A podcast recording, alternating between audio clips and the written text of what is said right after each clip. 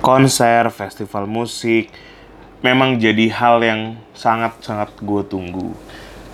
Dan gue harus pastikan yang jelenggarain ataupun yang tampil tuh memang punya profesionalisme tinggi. Profesionalisme memang sebuah suatu keharusan dalam menyediakan sesuatu. Sama seperti Anchor, menjadi tempat seluruh podcast di dunia ini diproduksi kayaknya ya. Keperluan hosting, recording, dan distribusi dapat dilakukan di satu tempat dan yang terpenting gratis. Silakan kunjungi www.anchor.fm untuk memulainya secara mudah atau langsung download di Play Store atau App Store. Sekarang juga dan langsung bikin podcast lu agar bisa didengar di berbagai platform streaming seperti Spotify. Sekali lagi, untuk info lebih lanjut, langsung buka www.anchor.fm. Yuk, kita mulai podcast Bujang Belater episode ini. Dah tua pun bodoh.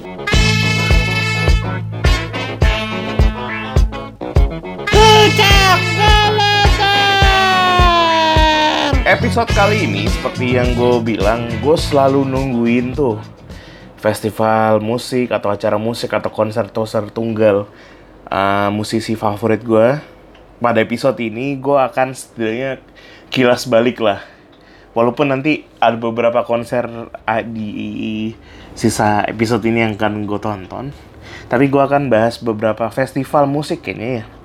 Yang cukup berkenan di hati gue cukup apa istilahnya hmm, punya memori yang bekas banget di 2019 ini uh, setidaknya gua nonton tiga deh kayaknya nonton tiga festival kebetulan ada rezeki dan kesempatan buat nyaksiin Synchronize Fest, With the Fest, dan Joyland. Yang terakhir ini, gue pilih festival tersebut ya karena sebenarnya tiga alasan yang terpenting. Uh, penyelenggaranya punya reputasi baik, tiketnya affordable, sama konsepnya menarik. Kita mulai dari yang apa ya? Kita mulai dari pertama dulu deh, satu-satu ya. Dari With The Fest. Gue kayaknya memutuskan pergi With The Fest itu di seminggu terakhir kayaknya. Karena alasannya karena gue pengen nonton Travis aja karena waktu Travis tuh salah satu band favorit gue ya. Terakhir gue nonton itu band ini zaman kuliah di Singapura pakai uang tabungan dari hasil pekerjaan pertama. Ingat Jadi ada semacam janji yang dibuat pada diri sendiri dan teman-teman yang menonton itu. Dan sayangnya mereka nggak ikut fuck. Waktu itu kita janji eh men kalau kita di Jakarta kebetulan Travis manggung kita nonton lagi lah pasti seru. Pergilah gue. Di hari Sabtu gue nonton awal niatnya nonton Travis tapi gue datang kayaknya cukup awal gitu gue langsung bis maghrib kayaknya nonton Eva Celia ada Bada Suara ada Ran ada Sra Sabrina siapa tuh cakep itu Sabrina Claudio terus pertama kali nonton Hindia di situ kayaknya Hindia di situ pertama ya terus ada Daniel Caesar, ada Dito Pramono sebelum nonton Travis. Seperti biasa, all the things are good. Perfect lah kalau Ismaya yang kerjain karena ya terbanding dengan apa yang gue investasikan di awal buat tukerin uang gue ke tiket. Rapi, jelas. Ya walaupun agak capek harus bertandang jauh ke Kemayoran, tapi setidaknya badan capek terbayarkan dengan hati yang senang nonton Travis. Jadi ya lumayan lah Video Fest tahun depan mudah-mudahan ada deket-deket tempat tinggal gue jadi gue nggak terlalu pergi jauh dan ya pengisi acaranya mudah-mudahan bagus lah. Oke yang kedua jadi gue milih With The Fest tuh karena si penyelenggara nih punya reputasi reputasi bagus lah. Jadi Ismail Live ya teman-teman tahu lah dari zaman ngadain apa tuh Love Garage, uh, DWP sampai Widow Fest ini ya mereka punya sesuatu yang boleh kita tukarkan dengan uang kita untuk merasakan dia selalu nyebutnya experience dalam menyelesaikan festival. Oke, jadi with the fest, the, kalau kita kasih skor ya, uh, at to 10 lah. 8 dari 10. Karena gue nggak nonton yang hari pertama, di Jumat dan hari terakhir di Minggu. Moga-moga ada rezeki, ada kesempatan buat nonton. Tahun depan mudah-mudahan ada ya. Yang kedua adalah Synchronize Fest. Synchronize Fest gue pergi karena konsepnya yang selalu menyenangkan sih konsep konsep-konsep Synchronize nih. Karena semuanya band lokal dan dia berhasil menggabungkan tiga elemen yang bagi gue krusial tuh buat Synchronize tuh.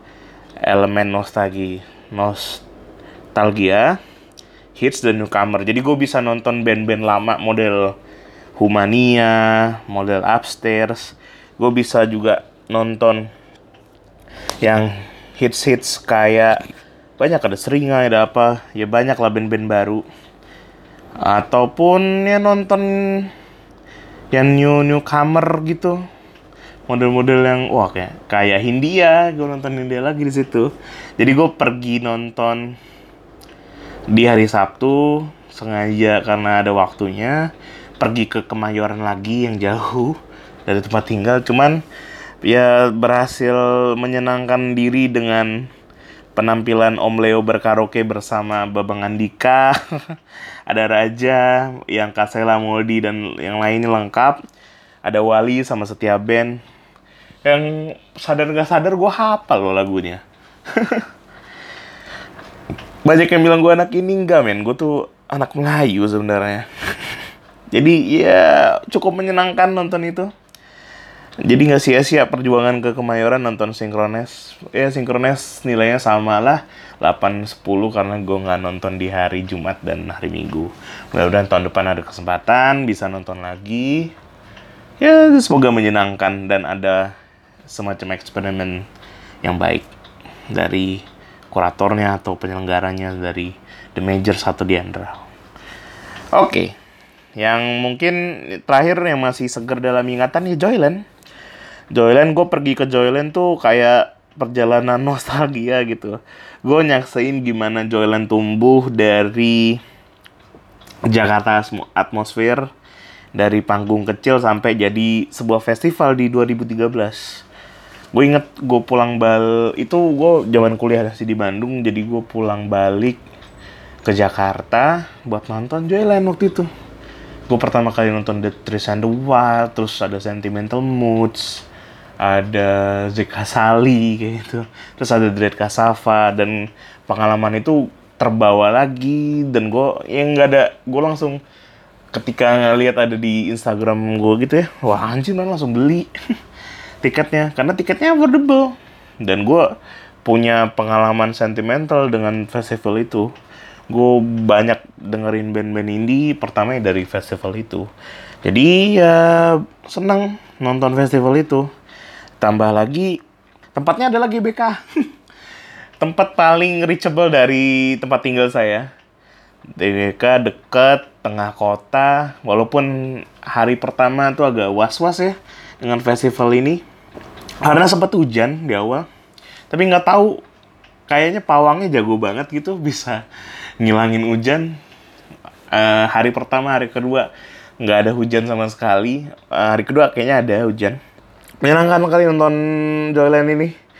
Gue nggak tahu ya karena kenapa mungkin sensasi berada di rumput yang sulit ditemui di Jakarta tuh bikin ambience-nya enak terus makanannya lumayan enak payment sistemnya nggak ribet. Waktu itu pakai link aja. Jadi enak nggak ada satupun masalah toilet. Gue bisa bawa tumbler bisa isi refill air putih sepuasnya. Lumayan oke. Okay. terus penampilannya juga ya biasa cutting edge cutting edge gitu. Banyak band yang gue nggak tahu tapi gue discover akhirnya gue suka. Model-model Hachi, Washout, Frankie Cosmos, Tops, atau penampilan kayak efek rumah kaca yang mainin setnya kayak pandai besi. Atau ada The Adams yang bikin enak nontonnya kayak The White Shoes. Ada Hindia. Hindia banyak banget gue nonton Hindia tahun ini. Ada tiga berarti ya yang gue tonton. Terus Oh ya seperti biasa ya. Kayaknya semua festival tuh ramuannya harus ada Malik and the Essential. Jadi Malik and the Essential ini band ya band pop terbaik sepanjang 2000 lah sampai 2019 nih. Dari dia pertama ada karena Malik and the Essential ini sekarang tampilannya bagus. Dia ngajak Kamga yang suaranya lebih bagus dari Angga. Dan secara packaging makin menarik nonton Malik and the tuh band cara band, permainan atraktif, bassnya Jawa oke, okay, drumnya Widi oke, okay, ada Rejos, ada Kamga, gitarnya siapa Lale oke, okay. Ilman juga main keyboardnya mungkin jago. Jadi kalau dibilang ya Malik tuh harus diajak terus sih kayaknya karena dia suka kasih sparking sparking di festival itu. Walaupun ya memang lagunya nggak tahu sih kekuatan lagunya Malik tuh everlasting dengerin lagu pilihanku terdiam kangen. Apalagi setapak dari dari album-album yang lama mungkin kayak The One kayak Untitled itu gila loh. Pengaruhnya sampai segitunya dan yang gue suka selain rumput sama teman-teman dari Plain Song ini bikin festivalnya taat waktu gitu. Sampai ada salah satu yang nampil itu orang Amerika sampai dikat bener-bener karena udah kelewatan banget waktunya. Karena ya gitu. Jadi festival ini ada tiga, ada berapa tempat ya? Nyebutnya nggak stage sih. Jadi ada Joyland, Lily Pad, Mushroom, sama Sinerzilla. Jadi semuanya itu punya sequence-nya. Nggak ada yang tumpuk-tumpuk yang bebarengan selain Mushroom sama Sinerzilla. Film sama stand up comedy. Jadi penonton ibaratnya nggak dikasih nafas sih buat nonton satu spe satu spesial apa satu performance performance lainnya tuh lumayan enak. Jadi nggak ada kata menunggu. Jadi kita bisa bisa relax ketika nonton stand up yang stand up juga lucu loh. hari pertama ada siapa ya? Ada laki-laki semua, hari kedua ada perempuan semua. Lumayan menarik dan ya enjoy banget gitu. Nonton di Lilipad Stage yang dikurasi sama teman-teman efek rumah kaca atau nonton di Joyland Stage yang besar. Uh, Oke okay lah, nggak nggak tabrak-tabrakan juga kayak festival yang lain karena lingkup venue-nya nggak terlalu besar hanya ada di satu tempat. Jadi ya menyenangkan. 10 dari 10 buat Joyland. Apa ya? Mungkin itu ya tiga festival yang terbaik gue datengin tahun ini ada Joyland ada Synchronize Fest ada With the Fest itu aja sih abis ini gue mau cerita uh, festival yang hampir gue datangi dan gagal.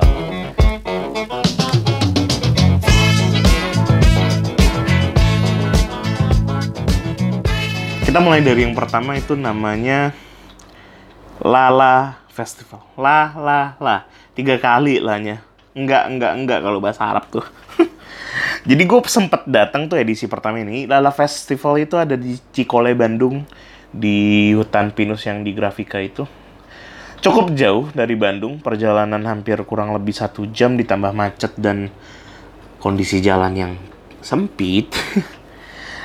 gue mikir ya, dari kejadian edisi pertama harusnya teman-teman dari penyelenggara Lala Fest ini punya ya bahan lah buat evaluasi.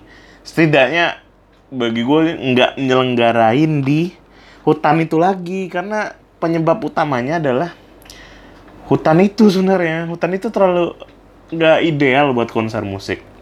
Bagi gue ya di Indonesia pun perjalanan terutama dari dari mobilitas yang nggak baik lah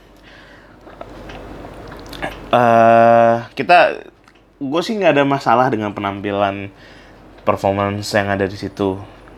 Gue waktu tahun pertama juga nonton Kodaline pertama kali di situ. Gun gue bete sepanjang nunggu kode lain akhirnya ada Malik yang bikin sparking lagi festival itu.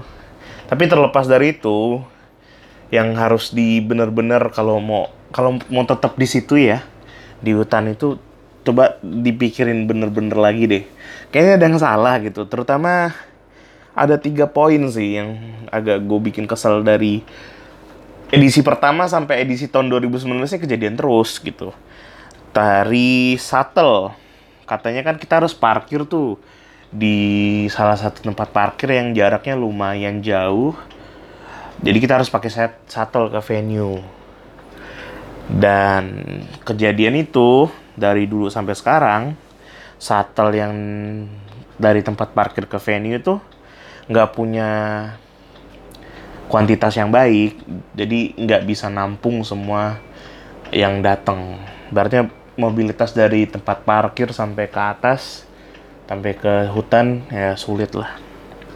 Kemudian ya karena venue di hutan dong banyak fasilitas kayak penerangan toilet tempat sampah yang nggak bisa ada. Bayangin waktu itu ini festival ini ditambah lagi menyenangkannya adalah hujan. Hujan di hutan pinus nah bayangin. Betapa seramnya jatuh tergelincir. Karena waktu itu saya hampir saya jatuh tergelincir dari lembah gitu. Lumayan tinggi fruit gitu kepleset karena licin dan hujan. Waduh nggak kepayang sih waktu itu. Dan kejadian lagi loh. Sama yang sebenarnya ya gitulah. Akses venue terlalu jauh kan dari Bandung. Banyak ada yang ber, ada teman-teman volunteer yang bilang dia nggak bisa dapat transport pulang dari venue ke Bandung gitu. Karena lumayan jauh daerahnya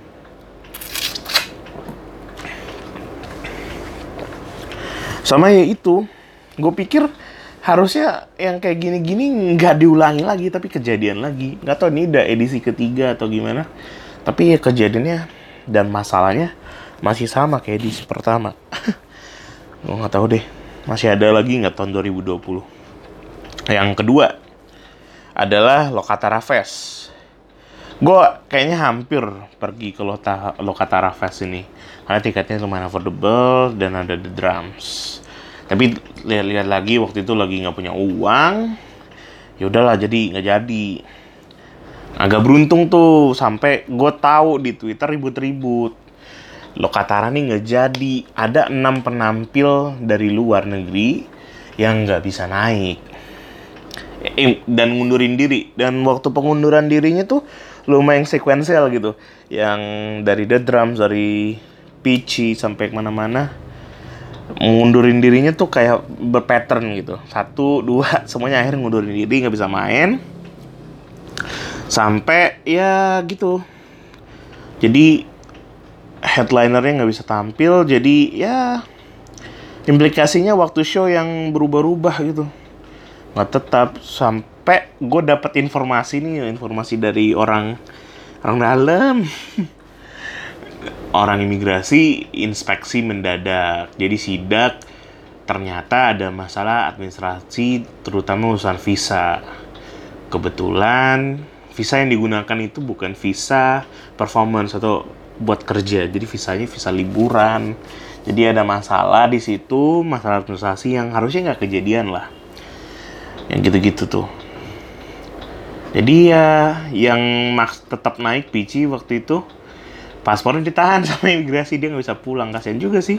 Cuma ya mau gimana lah masalah fundamental masalah administrasi susah juga kalau ada apa-apa ya. Ya sudah jadi ya itu Lokatara sebenarnya bagus ya sayang banyak yang nggak tampil. Kayaknya ada refund tiketnya gimana. Cuma ya udahlah. Lain kali ya kayak gini-gini tuh harusnya pihak penyelenggara bisa void dengan memperlakukan ketentuan yang udah ada aja. Terutama masalah administrasi yang begitu jelas ya. Gak usah ngakal-ngakalin lah maksudnya. Sayang gitu kalau ada kejadian kayak gini lagi keulang. Jelek buat kitanya, jelek buat yang udah bayar tiket dan jelek buat performance sendiri. Dia agak trauma buat balik lagi ke Indonesia atau bikin sesuatu di Indonesia lagi. Oke. Okay. Kedua, uh, eh tadi kedua udah ya Lokatara Fest. Yang terakhir yang masih baru seminggu sebelum Joyland tuh musikologi. Jadi kayaknya di Senayan di seminggu sebelum Joyland itu ada beberapa acara ya. Terus nah, musikologi ini kayaknya di Plaza ba eh parkir selatan entah yang pokoknya dekat Hotel Sultan lah, seingat gue ya. Jadi sebenarnya ada dua permasalahan sih. Yang pertama adalah hujan satu kan. Kedua ada salah satu kru dari band Jongkopins, gue nggak tahu nih band apa. Katanya nggak sengaja ngapus master config data cok cek sound tuh. Jadi ya bikin track sound yang udah lakuin band-band model Sigit, Pantura, Seringai, itu ya percuma. Akibatnya ya acara acara molor karena harus cek sound ulang dan harus ngekat beberapa performance. Jadi ya sampai akhirnya udah melebihi batas maksimal buat penampilan kayaknya udah jam 12 masih ada dua performance yang belum naik 420 sama Phil Koplo jadi ada mereka gagal naik panggung dan malam itu diakhiri dengan perusakan dan bakar-bakar lah. Yang sebenarnya disesalin sih karena kita kalau inget ya bakar-bakar dan rusak-rusak gitu di tahun yang dulu di Plaza Barat ya abis itu nggak boleh lagi loh musik-musik di Plaza Barat tuh. Sayang sebenarnya. Nah gue takutnya sih kejadian itu lagi. Se ya kasihan juga buat penyelenggaranya buat apa tuh ya buat vendor-vendor terutama yang punya tenda yang punya alat yang punya sound system jadi korban gitu nah, mudah-mudahan urusannya cepat kelar sih gue doain dan ya kalau di Indonesia sih memang harus gitu ya. Negeri kita negeri hujan, men. harus siap dengan segala kemungkinannya. Festival, rush, goers, satu segala pun ya harus antisipasi. Hmm, selain berdoa dan berserah diri, ada beberapa yang harus dilakukan. Model-model kayak Joyland kemarin, gue tahu tuh pawang hujannya gokil. Karena kayak di hari Minggu pas sore-sore itu udah mulai rintik tiba-tiba bau stanggi aja dibakar no ini pawang pawang hujan yang sedang bekerja ya pergunakanlah kearifan-kearifan lokal kayak gitu tuh buat menghindari sesuatu yang sebenarnya bisa dihindari ya terutama masalah administrasi masalah waktu sih. Kalau festival ini harus steer harus pada waktu harus harus komit lah sama waktu. Kalau oh ya performance waktunya 35 menit harus 30 menit. Ada 45 menit harus 40 menit. Check sound segini nih segala teman-teman yang harus yang punya kuasa yang harus berani lah mutusinnya kalau memang ada artis yang bandel mau main terus tapi nggak mau berhenti ya matiin aja soundnya di cut sama soundman kejadian di Jolene kayak gitu gue gue ngelihat kadang artis-artis juga bete sih Cuma yang harus sadar lah, kita harus patuh terhadap random. ya gitu sih, sayang ya.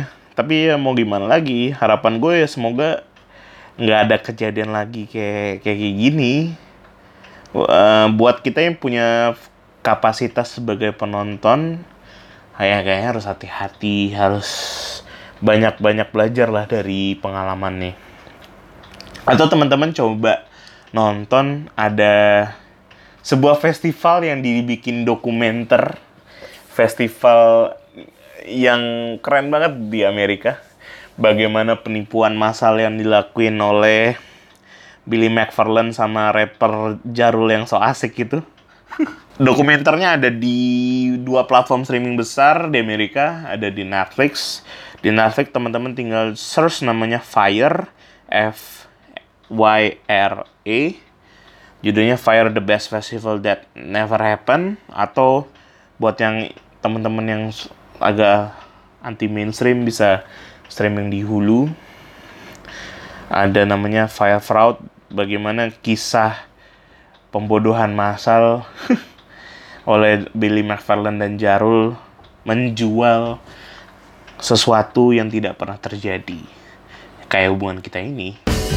Kita bisa